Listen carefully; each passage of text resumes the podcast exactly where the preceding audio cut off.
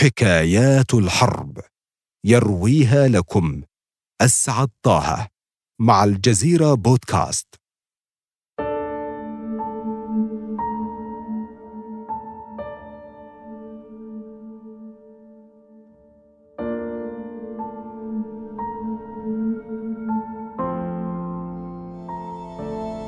الضحية الأولى والأخيرة لأجل إيرلندا.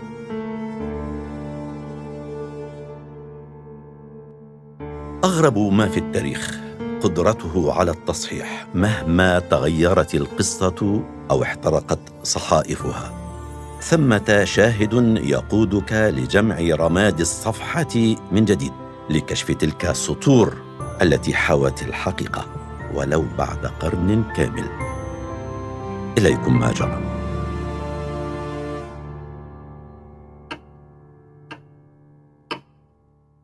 الزمان.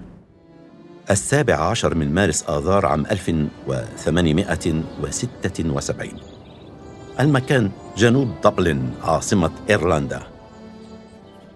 الحدث ميلاد طفلة جديدة في بيت باتريك كيو وزوجته ماريان نولان سموها مارغريت. وعندما بلغت التاسعة توفيت أمها. لم يحالفنا الحظ لنعرف كثيرا عن حياة الطفلة مارغريت لكننا نعرف أنها لاحقا بدأت مسيرتها كممرضة ومنقذة وتسلمت مهامها في اتحاد جنوب دبلن. صحيح أنه مأوى للعجزه والمرضى والفقراء لكن طابعه الجغرافي وحالته المعمارية منحاه أكبر مما يحتمل. جغرافيا يبدو المبنى وكأنه حصن دفاعي في قلب المدينة. أما معماريا فهو ممتد وكبير ومتسع وكأنه يخفي داخله كثيرا من الأسرار. كانت مساحته الضخمة مهيئة لذلك بالفعل والتي تجاوزت خمسين فدانا تقريبا ولسوء حظ من كانوا به جعلته تلك العوامل هدفا في قلب المعركة المنتظرة. لم يكن يتخيل أحد أن يحاصر الإنجليز مبنى كهذا أو يقتحموه. في الرابع والعشرين من إبريل نيسان عام 1916 يجتمع 1100 متطوع أيرلندي. يبدأون في الانتشار بمختلف أحياء ومناطق العاصمة الأيرلندية. لم يكن مبنى الاتحاد الضخم الذي تعمل فيه مارغريت بمعزل عن تلك الأحداث. ظهر 120 متطوعا وقرروا التجمع عنده. لم يشكل الحاضرون أكثر من خمس العدد المتوقع. عرفت هذه المجموعة فيما بعد باسم الكتيبة الرابعة. كل المتطوعين اتفقوا على أمر واحد أن تكون الحرب أمام الجيش البريطاني في ذلك اليوم هي الانتفاضة الأولى لتحرير أيرلندا. كان حظ الكتيبة الرابعة سيئا وكذلك كان حظ مارغريت كيو. بدأ رصاص الجنود البريطانيين ينطلق باتجاه مبنى الاتحاد ولأن أعداد المتطوعين قليلة فقد تحولت المباغتة إلى حصار. أصبح مبنى الاتحاد الممتلئ بالمرضى والفقراء والمسنين محاصرا من الجيش البريطاني. بالعودة إلى التاريخ هذا أمر علينا أن نخجل منه كثيرا. استمر الرصاص بالانطلاق نحو مباني الاتحاد نحو الساحات الكبرى الواسعة الفاصلة بين المستشفيات. قرر كثير من الممرضات حينها الهرب. من الطبيعي أن ينشد المرء السلامة في ظروف كتلك. لكن الأمر بالنسبة لمارغريت كان مختلفا. لم تكن الفتاة سياسية ولا مقاتلة ولا عضوا حزبيا. لم تكن شخصية عامة أو رئيسة حزب يتبعها الناس. كانت ببساطة ممرضة. هذا ما كانت تجيد فعله وتؤمن به أن تنقذ من يستحقون الإنقاذ. ولأنها أحبت أيرلندا بصدق لم يكن الهروب ضمن خياراتها. الجميع يذكر ما قالته يومها. أخبرتهم أنها معهم بقلبها وروحها لأجل أيرلندا. كان قرار قائد الكتيبة الأيرلندية هو توزيع متطوعيه في مختلف الساحات. تلخص دور بعضهم في حماية المباني الموزعة داخل ساحات البناية. مقر إقامة الممرضات والطبيبات المشفى البروتستانتيني والمشفى العام. هل كانت الأمور لتسوء أكثر من ذلك؟ وكأن الحكاية صارت أبعد من تصورات من عايشوها ذلك اليوم. كانت الأعداد قليلة. تفاجأنا أن أحد الممرات المطلة على الساحة العامة بلا حراسة. استطاع الجنود البريطانيون التسلل منها. ربما لم تكن مارغريت تتخيل كل ذلك. لقد قررت التضحية وحسب. في الساعة الواحدة تقريبا سمعت صوت الرصاص متجها ناحية المشفى اثنين وكذلك المشفى ثلاثة. عرفت بعدها أن أحد المتطوعين واسمه مكارثي أصيب بطلق ناري وسقط في الساحة. ركضت مارغريت عبر السلالم ونزلت لسحبه إلى الداخل وعلاج جراحه. كانت ترتدي زي الممرضات. لم يكن خافيا للعيان رداؤها الأبيض وقبعتها الصغيرة. لكن الجنود البريطانيين لم يفرقوا بينها وبين غيرها وكانت الرصاصة من نصيبها. لقد قررت مارغريت أن تنقذ أول روح معرضة للخطر أمامها لكن حظها أن تلك اللقطة كانت آخر لقطة تسجلها عيناها. إنها أول ضحية لتلك الانتفاضة. مارغريت هي شهيدتنا الأولى. عليكم أن تذكروا ذلك دائما. هذا ما قاله القائد لجنوده بعد الحادثة. مارغريت هي أول ضحية للانتفاضة. لقد رحلت لأجل أيرلندا. على الجميع أن يذكر ذلك. ولم يكن بوسع الجميع. سوى دفنها في ساحة مبنى الاتحاد. لم تكن الأمور تسمح بغير ذلك. لاحقا نقل جثمانها إلى مقاطعة كارلو حيث ولدت. لقد قتلت مارغريت وهي في الثانية والأربعين من عمرها لتختفي ذكراها بعدها لسنوات طوال مئة عام أو أكثر.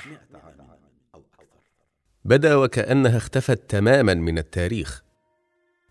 كان البريطانيون هم المسيطرون على الإعلام والصحافة. وكان من الطبيعي أن يختفي اسمها من السجلات التاريخية. فلا يود البريطانيون أن يعرف أحد في أي مكان في العالم أنهم قتلوا ممرضة وهي تقوم بعملها. ربما من قال إن التاريخ يكتبه المنتصرون كان محقا. لكنه هذه المرة أخطأ قليلا. كان انتصار بريطانيا مؤقتا. فمنذ لحظة مقتل مارغريت لم يذكر اسمها في أي مرجع تاريخي أو صحيفة خارج أيرلندا. تلاشت تماما. بدا وكأن اسمها لم يرد في أيرلندا من قبل. حتى حل العام 1932 ليسجل أول كتاب تاريخ أيرلندي اسمها وقصتها دون أن يحصل على شهرة أو انتشار حتى قامت الحرب الأهلية وحصلت أيرلندا الجنوبية على الحكم الذاتي في العام نفسه ظل اسمها مختفيا. يذكره فقط من عايشوا قصتها يوما ما أو كانوا رفقتها في مشافي اتحاد دبلن. تمتلك بعض الأسماء قدرة على التجدد تضخ فيها الروح من حين لآخر فيدهشنا التشابه الغريب وتدهشنا طريقة العودة لكنها تصبح امرا واقعا على كل حال. لم تكن مارغريت كيو بطلة قصتنا الأولى من ضحت وحدها لأجل أيرلندا. ثمة فتاة أخرى. بعدها بسنوات قليلة طالتها الرصاصات نفسها من المحتل نفسه. لذا ظل الأيرلنديون لسنوات يخلطون ما بين مارغريت كيو الممرضة التي قتلتها الرصاصات البريطانية في مبنى الاتحاد الأيرلندي وما بين مارغريت كيو التي قتلتها الرصاصات نفسها على بوابات منزلها. بطلة قصتنا الثانية والتي للمصادفة الغريبة حملت نفس الاسم ولدت عام 1900 كانت الطفلة الثانية بين عشرة أبناء وعلى عكس بطلة قصتنا الأولى والتي كانت شجاعتها وتضحياتها دون سابق استعداد ومواجهة كانت مارغريت هذه المرة شابة مليئة بالحركة. أتقنت اللغة الأيرلندية وانضمت لمجموعة نسائية تابعة لجيش التحرير الأيرلندي. اشتهرت وقتها كونها متحدثة سياسية لبقة وكثيرة الوجود في كل ما يدعم قضية التحرر الأيرلندي. كانت مجموعتها جناحا نسائيا. جناحا أراد ألا يكون متفرجا صامتا إزاء حركة إيرلندا نحو التحرر. تركزت مهام ذلك الجناح في القيام بالأمور التي ينشغل عنها الرجال كالطهي والعناية بأماكن المعيشة والرعاية الطبية. ربما صار بإمكاننا تخمين المصادفة التالية. كانت مارغريت الشابة قد تولت دورا مطابقا لبطلة حكايتنا الأولى عملت كممرضة أيضا في أوقات الأزمات. كانت شجاعتها ملفتة للنظر. عام 1920 تلقي القوات البريطانية القبض عليها وتقوم باستجوابها والتهمة جمع تبرعات لمنظمة ثقافية ناشئة تعمل على نشر اللغة الأيرلندية ودعمها والحفاظ عليها. طالبوها أن تتحدث الإنجليزية وأن ترد على أسئلتهم بلغتهم نفسها لكنها كانت شجاعة بما يكفي لتفعل العكس. تحدثت مارغريت بالأيرلندية. ظلت طوال التحقيق لا ترد إلا بلغة أرضها. باللسان الذي سمعته أول مرة حينما ولدت ونشأت تنطق به لسنوات طوال. عجيب أمر المحتل إنه يوغل في الانتقام من أصحاب الحقوق. لقد بتنا في شهر يوليو تموز من العام 1921 واتفاق وقف إطلاق النيران بين بريطانيا وإيرلندا قيد التحضير. ساعات قليلة من نهار يوم الحادي عشر من يوليو تموز قبل أن يوقع الطرفان الاتفاق. مجموعة بريطانية قررت أن تعمل رصاصها في صدور الثوار من أبناء إيرلندا وقبل أن يمر منتصف ليل يوم العاشر من يوليو تموز تسمع مارغريت صوت طرق على باب منزل أسرتها تركض عبر السلالم لتفتح الباب. كان الظلام يخيم على المكان. لم تميز مارغريت شيئا حين فتحت الباب. لكن رصاص المجموعات البريطانية استطاع تمييزها بوضوح. سجلت مارغريت كآخر ضحية للمجموعات البريطانية قبل أن يوقع اتفاق وقف إطلاق النار بعدها بساعات قلائل. كانت مارغريت هي نقطة الختام.